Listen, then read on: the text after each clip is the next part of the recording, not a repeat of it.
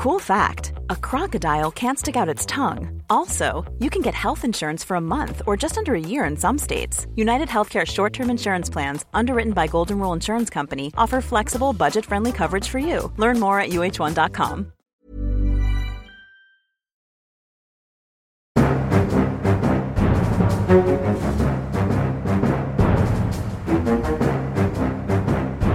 Bra, bra. Da setter vi i gang med en ny episode. Aftenpodden USA.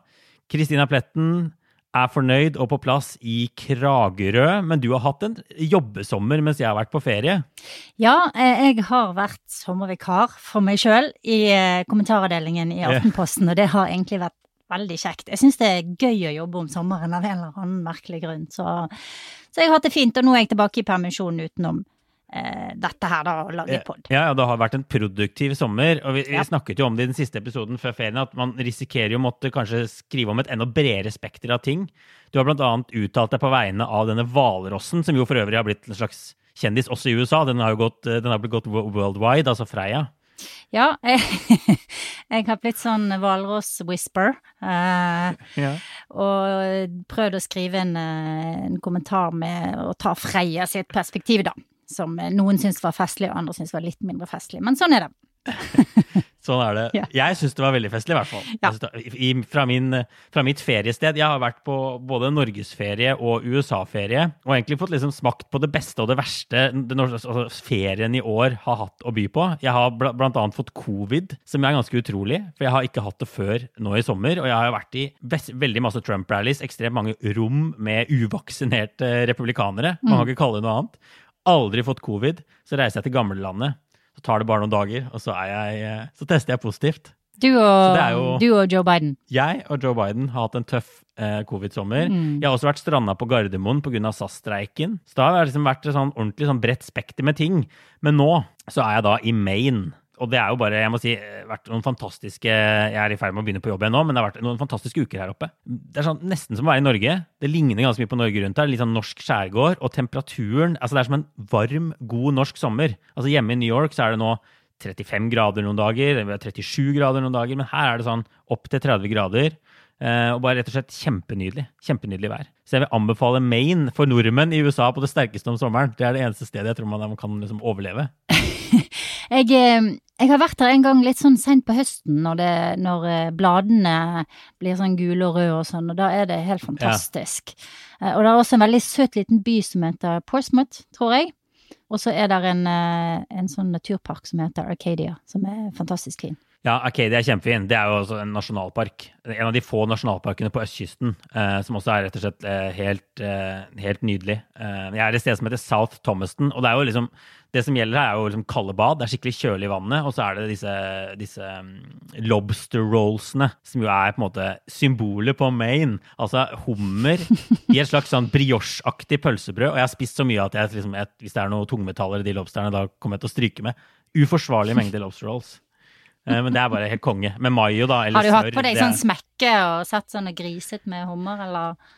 Nei, for det det er på en måte nærmest som en sånn pølsekiosk man kjøper de. Så det er, det er sånn, Ja, sånn fast food, men det koster jo da 25-30 dollar for en sånn lobster roll. Så det er jo dyr fast food, men det er ikke noe sånn Du griser liksom på bakken der du sitter. Det er ikke noe sånn fancy smekke, smekkeopplegg. Men nå er jeg da tilbake, eh, klart for å liksom komme tilbake på jobb. Det blir jo en kjempespennende høst med mellomvalg i november. Vi skal snakke litt om det i dag. På én side så har sommeren og, og, og ting ser litt sånn ordentlig mørkt ut for president Joe Biden. Fått en kjempedårlig måling. Vi må snakke litt om hva som egentlig foregår rundt presidenten og folks syn på han. På den annen side har sommeren vært en uventet opptur for demokratene som parti. Så det er egentlig en litt sånn interessant brytningstid. Altså, vi går inn i det, det er bare noen få måneder igjen. da, Mellomvalget er da i, i november.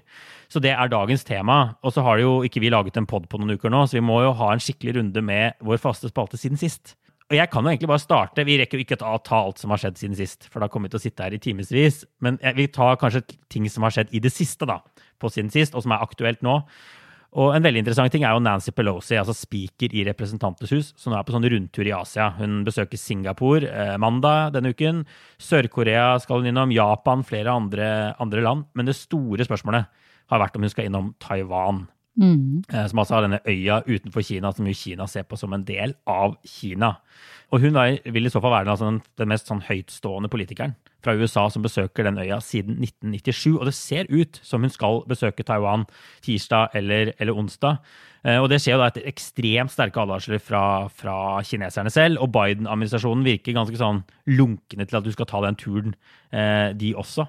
Men det ser ut som hun, hun følger på og, og kjører på. da. Ja. Uh, og det blir veldig interessant å se hvordan Kina reagerer her, og hva som skjer i etterkant av sånt besøk. Ja. Det er egentlig litt sånn rart, fordi at eh, i og med at det har blitt en sak, så kan hun jo nesten ikke la være å besøke Taiwan Nei, nå, for da ser det ut som hun har latt seg presse av Kina. Men dette er jo veldig sensitivt, og det er jo mange som frykter at eh, Kina, inspirert av Russland, vil eh, invadere Taiwan på, på kort, eller i hvert fall mellomlang sikt, da. Så Mm. dette her gjør jo situasjonen enda mer eh, dicey, og jeg er litt sånn usikker på om dette var et smart trekk, men kanskje det er viktig også for eh, amerikanerne å vise solidaritet med Taiwan og vise at de eh, på en måte har egen vilje og ryggrad og står opp mot, mot kineserne på denne måten. Nemlig. Og så har det vært eh, abortsaken, har vi snakket om. Vi lagde flere episoder før sommeren, som man kan gå tilbake og høre på, egentlig. Eh, bare status nå kort er åtte stater har innført eh, det vi kan kalle nesten fullt forbud, altså med noen veldig, veldig få unntak. Mm. og så har fire stater nå innført sånne seksukersgrenser, som jo også gjør det at det blir vanskelig å ta abort for, for veldig, veldig mange. Eh, der. Og så er det antatt at flere stater vil komme etter, etter utover høsten, men en del sånn ordentlig antiabortstater, der er det runder i rettssystemet, og ting, ting står litt i stampe, da. Men vi får bare følge det utover, eh, utover de neste månedene. Men antageligvis så er det fortsatt sånn at et tjuetall stater vil ha tilnærmet totalforbud mot abort i løpet av relativt kort tid. Så har det i sommer vært ganske mye fokus på Silicon Valley. Det ene er jo eh, Twitter og Elon Musk, som eh, er i, i tottene på hverandre, får man vel si. Eh, Elon Musk sa jo først han ville kjøpe Twitter, så ville ikke han kjøpe Twitter likevel, så Twitter saksøkte han, og nå har de altså fått gjennom at de skal få en rask rettssak eh, når det gjelder dette kjøpet. Mm. Så de har dratt rett og slett Elon Musk til retten for å prøve å tvinge han til å, å gjennomføre det kjøpet, da. Og samtidig så har selskapet Uber, som er de som eh, har en sånn app, taxi-app som gjør at eh, private eh, sjåfører kan kjøre taxi, og har innført dette her eh, overalt i verden. Det har hatt en stor, stor avsløring om eh, deres eh, businesspraksis og hvordan de har brukt ganske sånn tvilsomme metoder for å tvinge seg inn på markeder både i Europa og andre steder, og eh, har ført til enda mer dårlig presse for et selskap som allerede har hatt ganske mye dårlig presse. Så det har vært eh, egentlig noen tunge uker, tror jeg, for eh, big tech, og samtidig så har jo aksjene deres falt dramatisk på børsen, så det, Ja. det har vært en litt sånn eh, shaky sommer for eh, Silicon Valley. Og det er jo liksom, for å ta siste punkt, og det er jo ganske shaky i amerikansk økonomi også. Og den store debatten som går nå, da, også som er både politisk og økonomisk, er jo om USA er i en såkalt resesjon eller ikke. Eh, Resesjon er jo egentlig bare et sånt fagbegrep på en økonomisk tilbakegang. Men så finnes det ulike definisjoner når man skal kunne kalle en økonomisk tilbakegang en resesjon. USAs bruttonasjonalprodukt det legges jo frem tall hvert kvartal som viser liksom veksten, farten i amerikansk økonomi. Eh, Og det viste litt overraskende at det var eh, tilbakegang i andre kvartal i år. Og det var også tilbakegang i første kvartal. Og i en del land så er det sånn at når det har vært tilbakegang i to kvartaler på rad, så er det by definition en resesjon. Mm. Og en del økonomer ser også på det så, sånn, men i USA er det litt annerledes. Det er en sånn uavhengig økonomisk komité som veldig mange bruker som en slags fasit på når det er en resesjon. Og de venter og ser an situasjonen, bl.a. fordi disse tallene justeres jo, de revideres i etterkant og sånn. I tillegg så er det sånn at det er full fart i arbeidsmarkedet, det er kjempelett å få seg jobb i USA. så Det er litt sånn blanda bilde. da. Det er ikke så lett å si at vi er i en økonomisk tilbakegang, men det er i hvert fall den store debatten nå. Og det går jo liksom, det går ikke sykt bra i amerikansk økonomi, det går ganske dårlig i amerikansk økonomi. Ja. Og det bekrefter jo egentlig bare disse tallene. Og det har vel vært eh, en frykt, altså denne inflasjonen har vel ført til at man frykter tilbakegang, og dermed så eh, investerer folk mindre, og så blir det liksom, går det troll i jord da, på en måte. Eh, og også Ja. i tillegg så har leieprisene økt veldig, og det har lagt press på boligmarkedet, så det er sånn tegn til at eh, ikke alt står helt bra til, for å si det mildt. Nei, det er skikkelig, skikkelig, skikkelig rufsete. Mm. Uh, og det kan jo egentlig bare bringe oss over på hovedtemaet da i dag. Altså, sommeren for Biden har også vært ordentlig rufsete. Mm. Altså, En ting er at han har fått covid, som vi sa. Han har nok hatt en kanskje en litt røffere covid enn jeg hadde. Min var ekstremt mild. Ekstremt milde forkjølelsessymptomer. Det Biden i hvert fall har klart, er jo da å få et tilbakefall. Så når han har fått covid igjen, det gjør at han ikke får reist ut på, på, tur. Han driver og isolerer seg. Amerikanerne har jo fortsatt litt sånne anbefalinger og regler som vi ikke har i Norge, som jo skaper masse debatt, de også. Men, men det er bare én ting. Det liksom virkelig alvorlige for Biden er oppsiktsvekkende dårlige meningsmålinger, får vi si, og ganske mange elendige medieoppslag gjennom sommeren. Mm. Det er sånn at New York Times har et sånt meningsmålingsinstitutt som de samarbeider veldig tett med, som heter Sienna College. og De kom med en måling i, i juli som viste at bare 33% av amerikanere syntes Biden gjorde en god jobb nå, som er ekstremt lavt. Um, og så er det litt bedre på snittet av målingene. Uh, 538 lager et sånt gjennomsnitt av alle målinger som viser sånn 38-39% synes Biden gjør en, en, god jobb. Men også det er ekstremt dårlig. Altså Ingen president siden krigen har ligget så dårlig an som Biden gjør på nåværende tid i sitt presidentskap. Trump lå vesentlig høyere, mm. og Biden ligger nå så lavt, omtrent så lavt som Trump gjorde etter 6. januar, altså etter stormingen av Kongressen. Som jo er ganske oppsiktsvekkende. Og det som skjer, er jo at republikanerne har aldri likt Biden. De ga ham vel knapt en sjanse da han tok over, men Biden har også sett uh, tallene falle blant uavhengige, og mista en del eh, entusiasme i sitt eget parti. Uh, og den Siena-pollen-meningsmålingen viste at 64% av demokrater ville ha en annen kandidat i 2024. Ehm, så vi har snakket om økonomien går dårlig og sånn, men det, dette er et problem som virker som stikker på en måte enda dypere enn økonomien, er det ikke det? Jo, og det handler jo, tenker jeg i hvert fall, i stor grad om at Biden er så dårlig til å stå frem og selge sin egen politikk og selge seg sjøl. Han, han, han, er ikke flink å, å tale, han, han, roter. Han er, er lite overbevisende, og jeg tror når alt går bra, så er ikke det så farlig, men når, når du nå har hatt en periode med inflasjon, med press, med, høy, med bensinpriser som stiger osv., så, videre, så blir de der tingene der eh, eh, veldig risikabelt for demokratene og for Det hvite hus. Og de har ikke klart mm. å og på en måte gjøre noe med det. De har ikke klart å endre narrativet, da. Og de har heller ikke fått så veldig mye drahjelp fra sitt eget parti, fordi at det har liksom begynt å mumles i krokene om at folk eh, vil utfordre han, ikke sant. Du har guvernøren i California som driver og, og kjører annonser i Florida. Du har eh, eh rykter om Buttigieg som forbereder et kandidatur. Så det har liksom Det er litt, litt sånn myteri eh, rett under overflaten, mm. og så samtidig så eh, virker det som liksom Det hvite hus er litt sånn handlingslammet når det gjelder å, å styrke eh, imaget til president Biden, rett og slett. For jeg tror dette her i stor grad er et imageproblem. Jeg tror kanskje de ikke har forstått helt hvor viktig det er, da, og hvor, hvor, hvor, ødeleggende det kan være at folk ikke stoler på at presidenten er liksom ved sine fulle fem og, og, og sterk nok og klar nok til å lede nasjonen når det, når det liksom er, mm. er, litt sånn dårligere tider i, i sikte.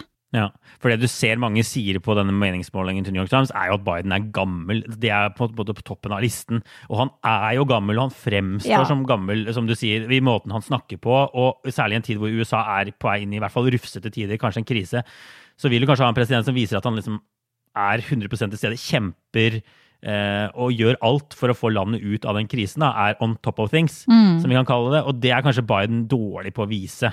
Eh, selv om det på en måte ikke er noen beviser for at han er senil og helt ute. Og rapporter fra Inn i Det hvite hus tyder på at han, han, leder, det er han som tar avgjørelsen og den type ting. Mm. Så, så, så, blir man litt sånn urolig når man ser han snakke. Han fremstår som litt spak ofte når han holder disse talene sine. Ja, og så er han ikke disiplinert, ikke sant, så han eh, driver ofte Nei. og sier ting som han ikke burde, eller går litt sånn off script. Han har jo også forresten vært på en ganske omfattende reise i Midtøsten i løpet av sommeren, og den gikk jo for så vidt, eh, så vidt jeg kunne bedømme, ganske bra, da. Han var blant annet i Israel, han var i Saudi-Arabia, forsøkte å få på plass et samarbeid om eh, energi for å få oljeprisen ned, og det ser ut til at det er i hvert fall tegn til at bensinprisen faller litt. Mm. Så det er en slags sånn disconnect mellom hva som egentlig skjer, og hvordan det ser ut, og hvordan det oppfattes. når det gjelder Biden, som er litt interessant. Mm. Ja, det er litt interessant. Jeg er enig, den turen gikk vel ganske bra. De fikk ganske bra medieomtale og sånn. Eh, Biden valgte jo ikke å håndhilse på Muhammad bin Salman, han prinsen i, Saudi-Arabia. Vi lagde jo også en episode om Saudi-Arabia denne våren og det forholdet der. Men han valgte å fistbumpe, som skapte litt overskrifter. Jeg er ikke sikker på altså, å, å, å, ta hånda og så, ja, dunke den inn i hånda til, til bin Salman. Så det så mer ut som de var sånn gamle venner fra college så det er ikke sikkert det var det rette valget. Det var også sånn som fikk litt sånn oppmerksomhet her i USA.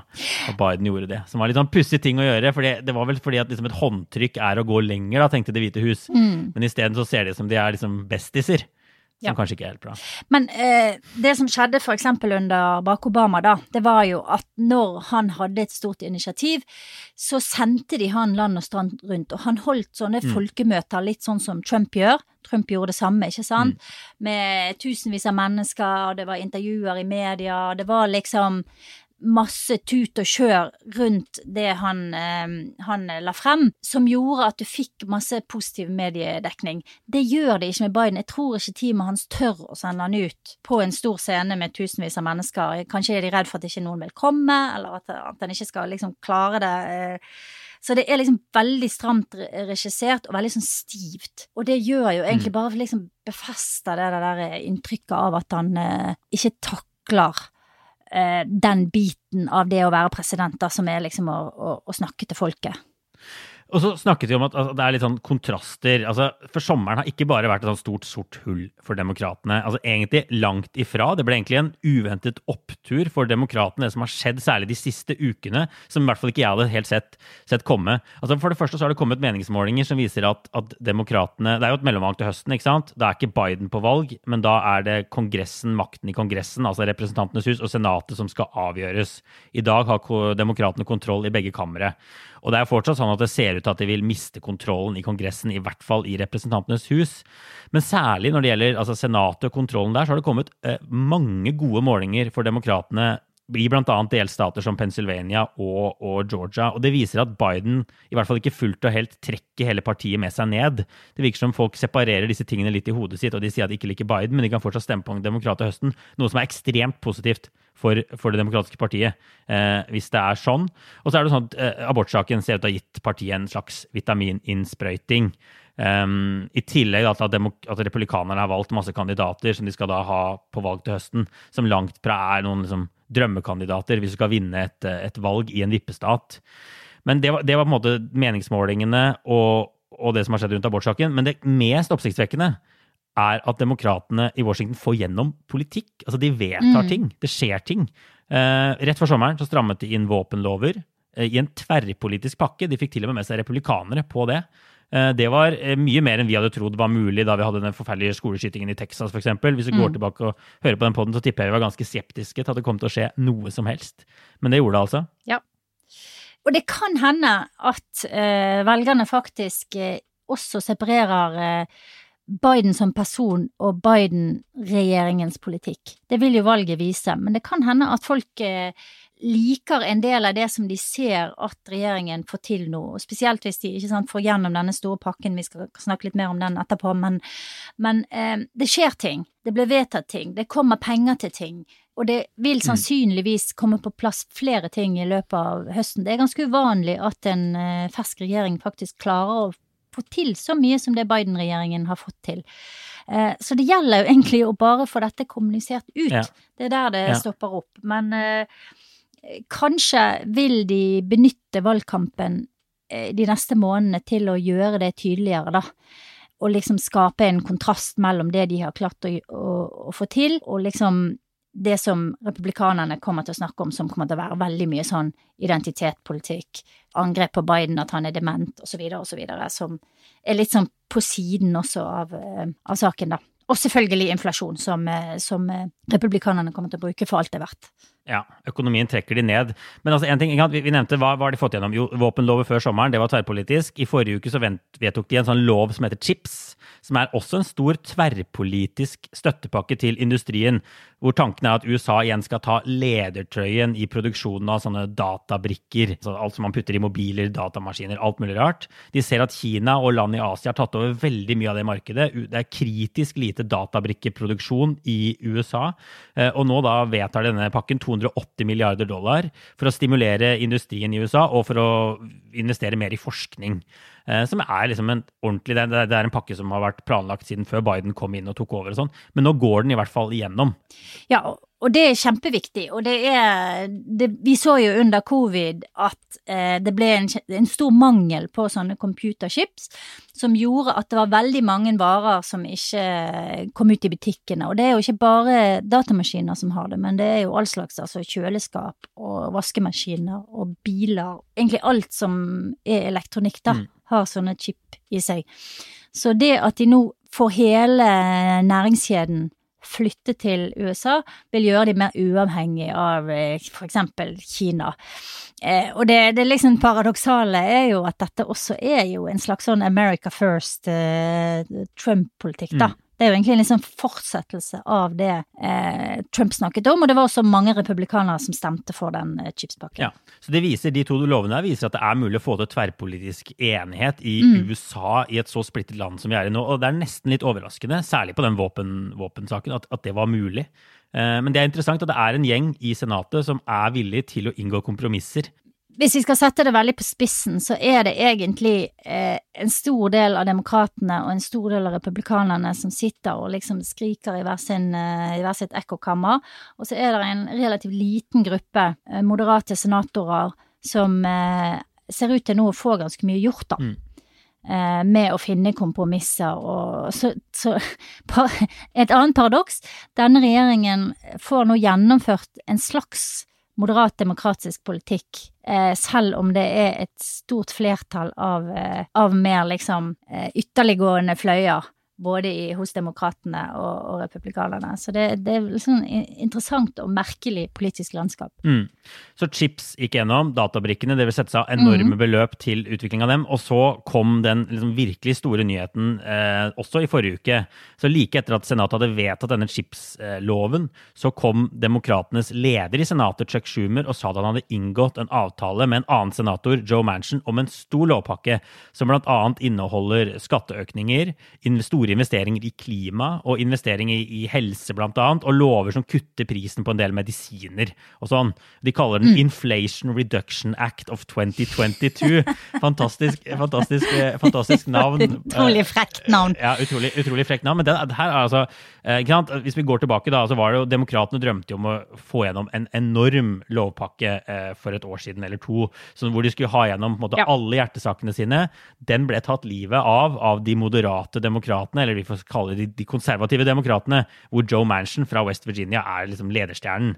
Han sier dette kan ikke jeg gå med på, det er altfor mye penger, altfor stor liksom, mm. utbygging av offentlige velferdsordninger, så han tok livet av det. Og så så det egentlig ut som hele greia var død. Manchin ble et slags sånn hatobjekt, og så kom plutselig dette i forrige uke, hvor demokratene får igjennom en del ting likevel. Altså, vi snakker store investeringer. Jeg bare, jeg bare regna litt på det. Altså, de skal eh, investere 369 milliarder dollar i klima og energi. Altså, det er 3500 milliarder kroner. Det er liksom over to norske statsbudsjetter. Så det er alltid sånn at når amerikanerne først gjør ting, så er det jo enorme beløp, og det begynner å monne. Men var du overraska at dette, dette, kom ut av det blå? Dette er jo den vitamininnsprøytingen demokratene kanskje trenger, da, som viser at det betyr noe at de sitter ved makten, at de kan gjennomføre ting. Ja ja, det var jo ekstremt overraskende, og det var jo eh, eh, overraskende for alle. Det var vel omtrent bare Schumer og Manchin og, og, og, sikkert Biden som visste om at dette her var i, kjøl, i kjøm, da. Ja. Um, men det Manchin egentlig har gjort da, er jo at han har plukket vekk det aller meste av det som var i Build Back Better-pakken, som denne egentlig het. Det aller meste av det som handlet om velferdsstaten. Mm. Er fjernet. Altså ja. Eh, penger til eh, Skole, barnehage, barnehage og ja. svangerskapspermisjon, alle sånne ting. Eh, det som henger igjen, er medisiner, som du nevnte. Altså å få, eh, å få, et tak på hvor mye folk eh, må betale for medisiner. Det er et, eh, noe som staten kan tjene masse penger på, eller spare masse penger, riktig, riktig sagt. Fordi at staten gjennom f.eks. Medicare sponser jo masse medisiner. Og det fins eh, avtaler mellom eh, forskjellige helseforetak og disse her eh, farmasøytiske selskapene som gjør at den amerikanske staten betaler masse mer for medisiner enn f.eks. land i Europa. Mm. Så her er det jo masse å spare for staten pluss at det, eh, forbrukerne vil spare masse penger, og det vil være pol populært politisk, så dette er liksom en vinn-vinn-vinn. Eh, og så har eh, Manchin og Schumer blitt enige om å ha en sånn minimumsskatt for store selskaper. Dette gjelder bare de aller største, på 15 Mm. en selskapsskatt. Og dette her er jo disse store selskapene som lurer seg unna skatt fordi de har så mye penger og, og, Og kontorer over hele verden, at de ja, kan ja, klare det. ja. Ja, ja, ja. Eh, Amazon og den, den type selskaper.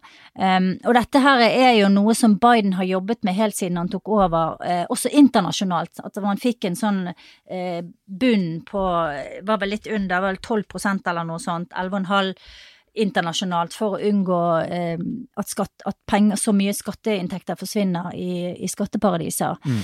Men her er det jo da altså eh, to store muligheter for den amerikanske staten til å hente inn penger i statskassen, Mm. betale for det, noen av disse her eh, nye lovforslagene, og samtidig vil de være populære blant velgere flest, ikke sant. Det er ikke mange som det er ikke liksom et bredt flertall for at Amazon skal betale null i skatt, eller at, eh, eller at medisiner skal være kjempedyre. Og så, og så kaller de det altså Inflation Reduction Act. ikke sant? Eh, Joe Manchin er en konservativ demokrat. Han er veldig opptatt av å få ned budsjettunderskuddet. Han er sånn old school på de tingene her.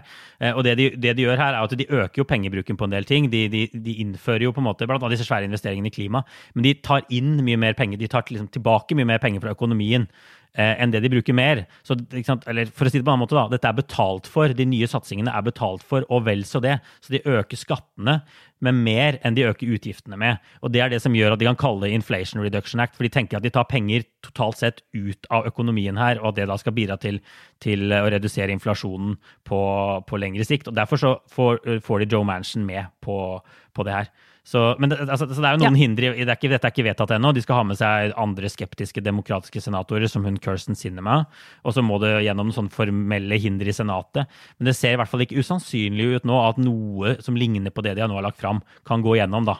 Ja, nei, det, det kan vel gå gjennom faktisk eh, nå før de går eh, på ferie, eh, hvis de er heldige. Men det har jo også vært sånn at det har vært noen senatorer som har hatt covid og sånn, og Ja. de trenger jo absolutt alle i, i kammeret for å stemme for å få dette gjennom, for det må gjennom på en sånn budsjettbill, Uh, bill, Ja. altså reconciliation som vi har snakket Ja, om de før. tar en som sånn er, snarvei De tar en snarvei som gjør at de bare trenger 50 De trenger bare sine egne, de trenger 50, 50 demokrater, men de må ha alle 50 der, for ingen eh, republikanere kommer til å stemme for de greiene her. Så da er de eh, Nei. avhengig av alle. Men, mm. men vi, vi, snakket om det. altså Biden kjempeupopulær, men likevel, altså hvis vi begynner å ramse opp da Han fikk gjennom den svære koronaredningspakka med en gang han kom inn. Infrastrukturpakka, som kom i høsten 2021, blir vel det. Våpenlover, chips, klimainvesteringer, subsidier til helseforsikring. Kanskje billigere medisiner, i hvert fall på en del områder nå. Eh, de kan til og med ende med å lovfeste retten til homofilt ekteskap. Det er også en ting demokratene Ja. nå jobber med. det nærmer de Eh, seg eh, med stormskritt. ja, Der må de ha med seg noen republikanere. Men det som er interessant, altså de spiller ganske smart om dagen nå. fordi om de ikke skulle få gjennom det her, så er i hvert fall dette med å lovfeste retten til homofilt ekteskap noe som samler hele Det demokratiske partiet. Alle er enige om det. Ja. Mens det splitter republikanerne. Og de må nå gå inn i Senatet da, og, og i representanthuset og stemme imot homofilt ekteskap. Eh, som jo er en ganske sånn ødeleggende, ødeleggende sak. Så egentlig så kan demokratene sånn rått politisk sett nærmest vinne uansett. Enten så får de vedtatt denne retten, og da er det sikret. Da kan på en måte ikke Høyesterett Eller i hvert fall da skal det mer til da, før Høyesterett begynner å, å avskaffe denne retten til homofilt ekteskap igjen. Eller så får de vist hvor republikanerne står i, i homoekteskapsspørsmål, som jo er noe mange amerikanere er for, da, når man ser på meningsmålingene, f.eks. Så, så det er jo en, en hel haug potensielle og allerede gjennomførte ting Biden har her. Ja, absolutt. Altså, han har jo liksom tatt fatt i noen av de største problemene USA hadde når han tok over. Eh, blant annet dette med infrastruktur, som har vært en sånn arvesynd gjennom flere administrasjoner, som de endelig fikk på plass. Mm. Som jeg tror etter hvert vil folk vil begynne å se. Folk vil begynne å se fysiske endringer på veiene, broene, flyplassene, ikke sant, som er bra. Bygges nye broer, det pusses opp. Ja, det er jo sånne ting man kan reise rundt og klippe, klippe snorer og Ja, ikke sant. Ja, og så kan jeg legge til faktisk Afghanistan, selv om det eh, Og det er et godt eksempel på, ikke sant, eh, hvordan det så ut og hvordan det har blitt. Altså, det så forferdelig grisete ut. Det var en veldig rotete uttrekning, og det var, veldig, eh, det var et veldig stort tilbakeslag for Biden-regjeringen. Men han fikk en slutt på krigen. Han fikk eh, hentet de- amerikanske soldatene hjem. Og i veldig mange eh, familier og i småbyer og delstater rundt omkring, så slipper folk nå å sitte og bekymre seg for sine kjære som er ute eh, i Afghanistan, ikke sant. Så i det lange løp så vil nok det også være en, en mer positiv ting enn en negativ ting. Eh, han fikk på plass den første kvinnelige visepresidenten.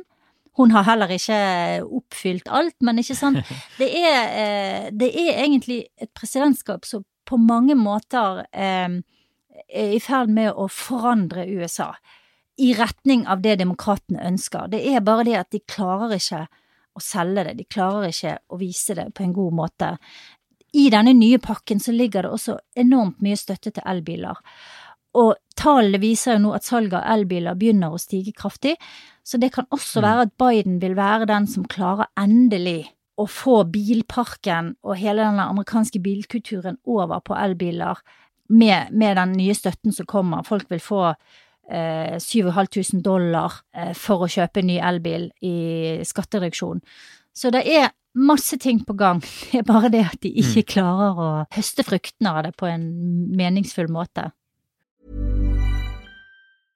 Flexibility is great. That's why there's yoga. Flexibility for your insurance coverage is great too. That's why there's United Healthcare Insurance Plans. Underwritten by Golden Rule Insurance Company, United Healthcare Insurance Plans offer flexible, budget friendly coverage for medical, vision, dental, and more. One of these plans may be right for you if you're, say, between jobs, coming off your parents' plan, turning a side hustle into a full hustle, or even missed open enrollment. Want more flexibility? Find out more about United Healthcare Insurance Plans at uh1.com. Og så vil jeg bare si da, En siste ting som på en måte har gått demokratenes vei i, i denne sommeren og våren, er jo 6. januar-høringene. Nå er de avsluttet. på en måte Første runde med høringer. De skal komme tilbake, har de sagt, nå med flere i september.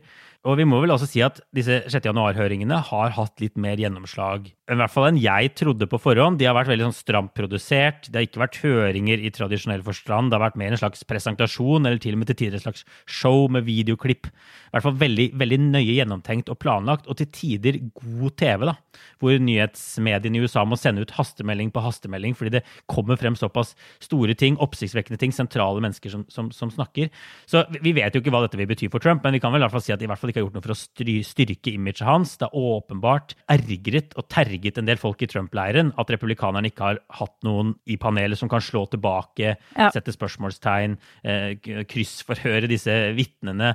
Så, så det har vel også en ting som ja, totalt sett egentlig har vært bra for demokratene, de, de høringene. Selv om det er lenge siden 6. januar, og selv om vel, dette er jo ikke noe velgerne bryr seg aller mest om lenger, på en måte. Nei, men, men det som skjedde de siste ukene etter den siste høringen, var jo også at to, de to største konservative mediene, Fox News, Wall Street Journal, Mm. gikk veldig tydelig ut, eh, Wall Street Journal på lederplass, og tok avstand fra eh, det som skjedde rundt Trump på 6. januar, og, og var veldig sånn tydelig på at dette her er ikke akseptabelt. Og det var ganske oppsiktsvekkende, og noe som vi ikke har sett egentlig så klart før nå. Så det var jo også, kan vi også regne som en slags seier for demokratene. Ja, og, og, og den nevnte Fox News, også New York Post. altså Dette er jo disse eh, Robert Murdoch. Rupert Murdoch-eide eh, konservative mediene i USA, hvor, hvor nok de gutta som sitter på toppen, kan ha en del å si og sende litt sånn signaler ned i organisasjonen. Og man, for, eksempel- man i hvert fall kanskje skal slippe til andre røster.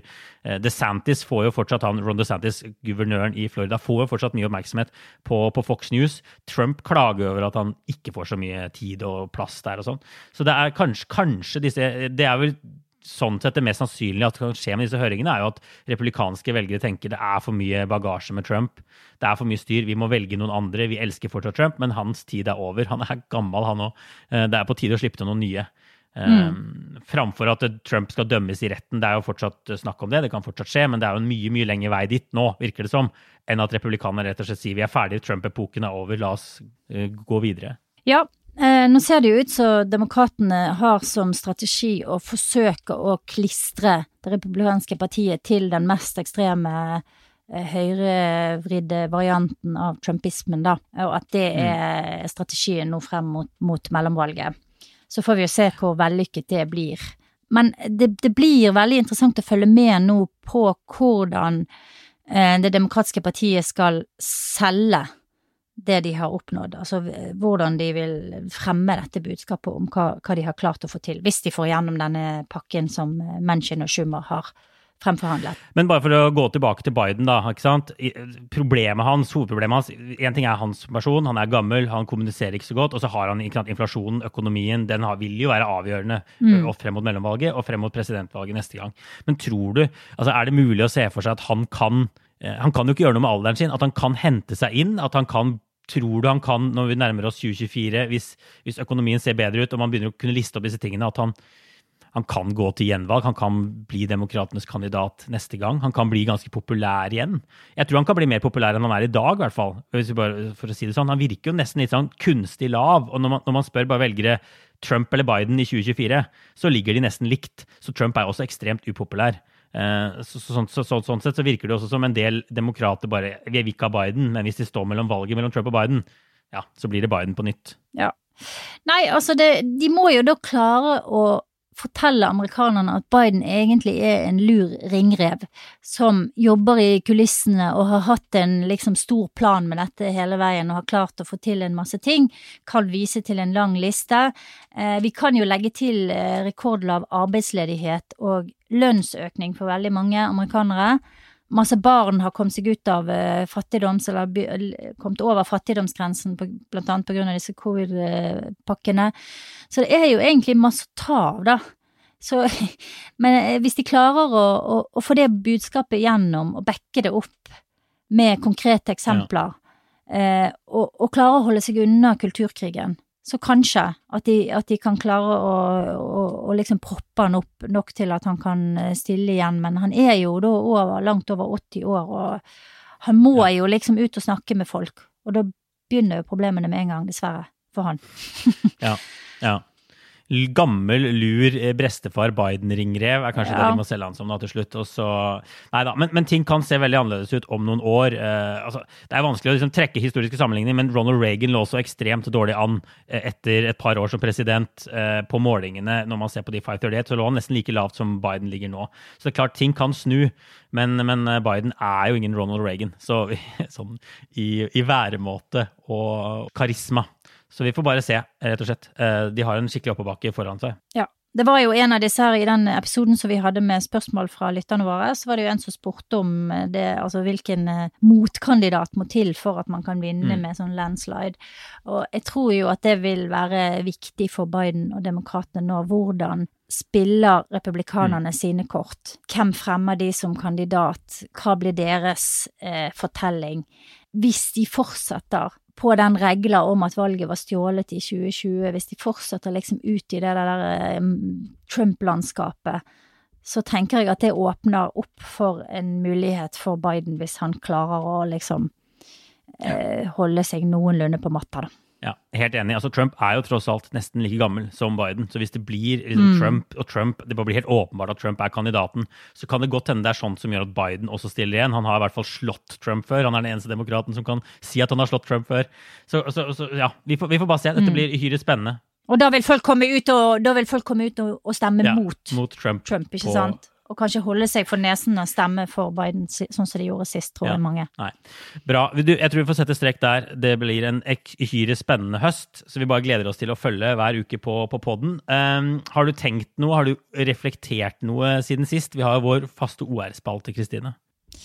Du, jeg har jo vært opptatt med jobbing, i motsetning til deg, så det er litt sånn begrenset hvor mye jeg har tenkt. Men jeg, jeg holder faktisk på å se på en litt interessant TV-serie på Netflix om en koreansk eh, advokat med autisme. Og det er egentlig en veldig sånn søt og annerledes TV-serie. Den er veldig underholdende, den er godt laget. Og gir oss et litt sånn innblikk i det sørkoreanske samfunnet. Litt sånn som Squid Game også gjorde mm. på sin måte.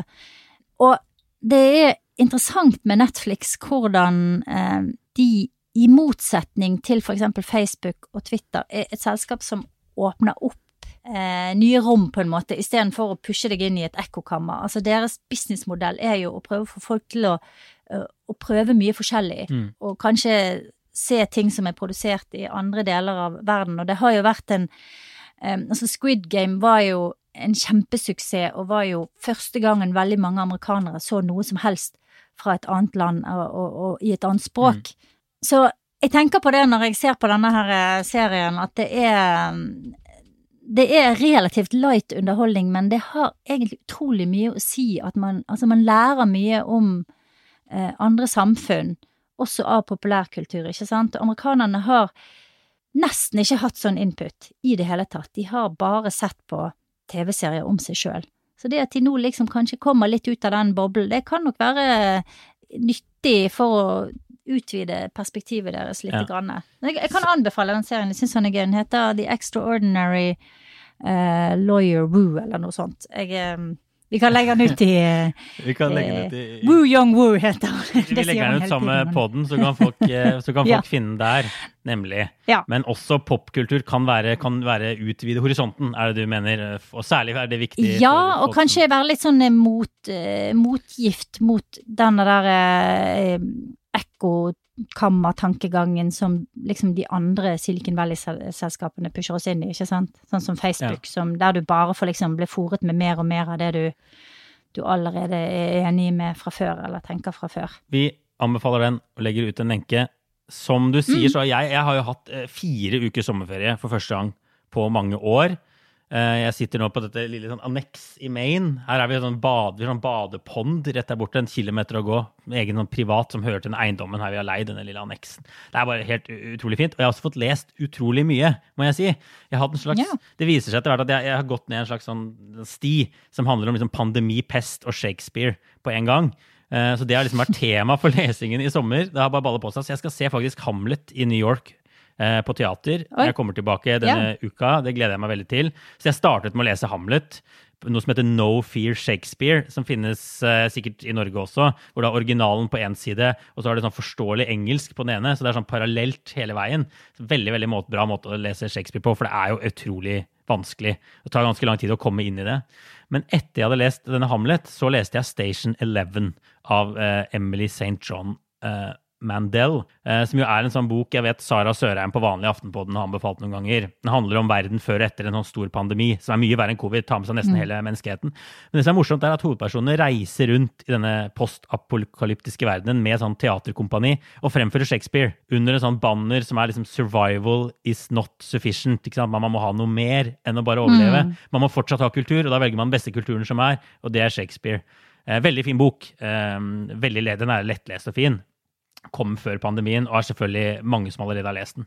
Men Station Eleven anbefales ja. sterkt. Også laget en uh, TV-serie som jeg ikke har sett, men som jeg gleder meg til å se av den. Ja. Uh, og så avsluttet jeg da denne reisen med å lese boken Hamnet av en dame som heter Maggie O'Farrell, som er en fiktiv historie om Shakespeares eneste sønn, Hamnet, som døde i 1596 som elleveåring. Og den er da diktet opp. Hva skjedde med Hamnet? Uh, hun mener han liksom la grunnlaget for karakteren Hamlet, som trolig ble skrevet noen år etterpå, hvor liksom Shakespeare sørger over sin, sin døde sønn. Uh, vi vet nesten ingenting om Shakespeares liv. Jeg har lest noen sånne biografier. og sånn. Det er tynn, tynn suppe, mye spekulasjon. Men det er gøy, da. Og Farrell mm. er jo bare helt fiktiv, men hun mener da i denne historien sin at Hamnet døde av byllepest, som jo herjet Europa med jevne mellomrom uh, den gangen. Eh, så jeg vil også bare anbefale den, eh, hvis man har tid og vil gå ned i en sånn slags rar Shakespeare-pest-verden. Eh, det var jo morsomt. Altså, på Shakespeare, ja, hvem vil ikke det? Nei, hvem vil ikke det? Men mulig man trenger fire uker i Maine for å gjøre det. men, men, det var jo morsomt. Altså, på Shakespeares tid altså Teaterne stengte i flere år av gangen da de hadde sånne pandemier. Eh, man tenker på en måte at Det er jo så lenge siden verden hadde blitt rammet av noe som ligner på covid. Det var så spesielt, det vi opplevde. Men det var helt, helt mm. vanlig, helt standard prosedyre den gangen. at Det var bare stengt i to år. Ingen teater. Eh, så spennende. Mange perspektiver her. Jeg skal legge ut lenke til disse, disse bøkene, altså Station Eleven og Hamnet. Eh, og så selvfølgelig må folk da reise til Maine og puste rolig for å kunne klare å komme seg gjennom alt det her. Men jeg tror vi setter strek der, Kristina. Og ja. spise hummer. Jeg skal ut og, faktisk ut og spise en siste lobster roll nå før jeg kjører tilbake til New York. Jeg har funnet et sånn helt kongested rett borti veien her. Ja. Nei, bra. Vi, eh, vi, snakkes igjen, vi, om en uke. Og inntil da, for alle som fortsatt er på sommerferie, ha en fin ferie. Og de som er tilbake på jobb, nyte dagene på jobb. Ha det, ha det. Spring, is that you? Warmer temps mean new Allbirds styles. Meet the Superlight Collection, the lightest ever shoes from Allbirds, now in fresh colors.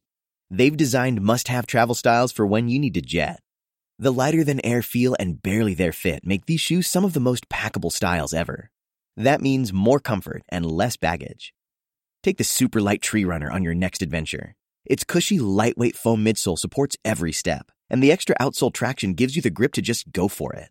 The eucalyptus fiber upper adds next level breathability to keep you going all day. Plus, the Superlight Tree Runner is comfortable and ready to go right out of the box. So, what can you do in a super light shoe? What can't you do is the better question. And because they're super packable, the real question is where are you taking them? Experience how Allbirds redefines comfort. Visit allbirds.com and use code SUPER24 for a free pair of socks with a purchase of $48 or more. That's A L L B I R D S.com code SUPER24.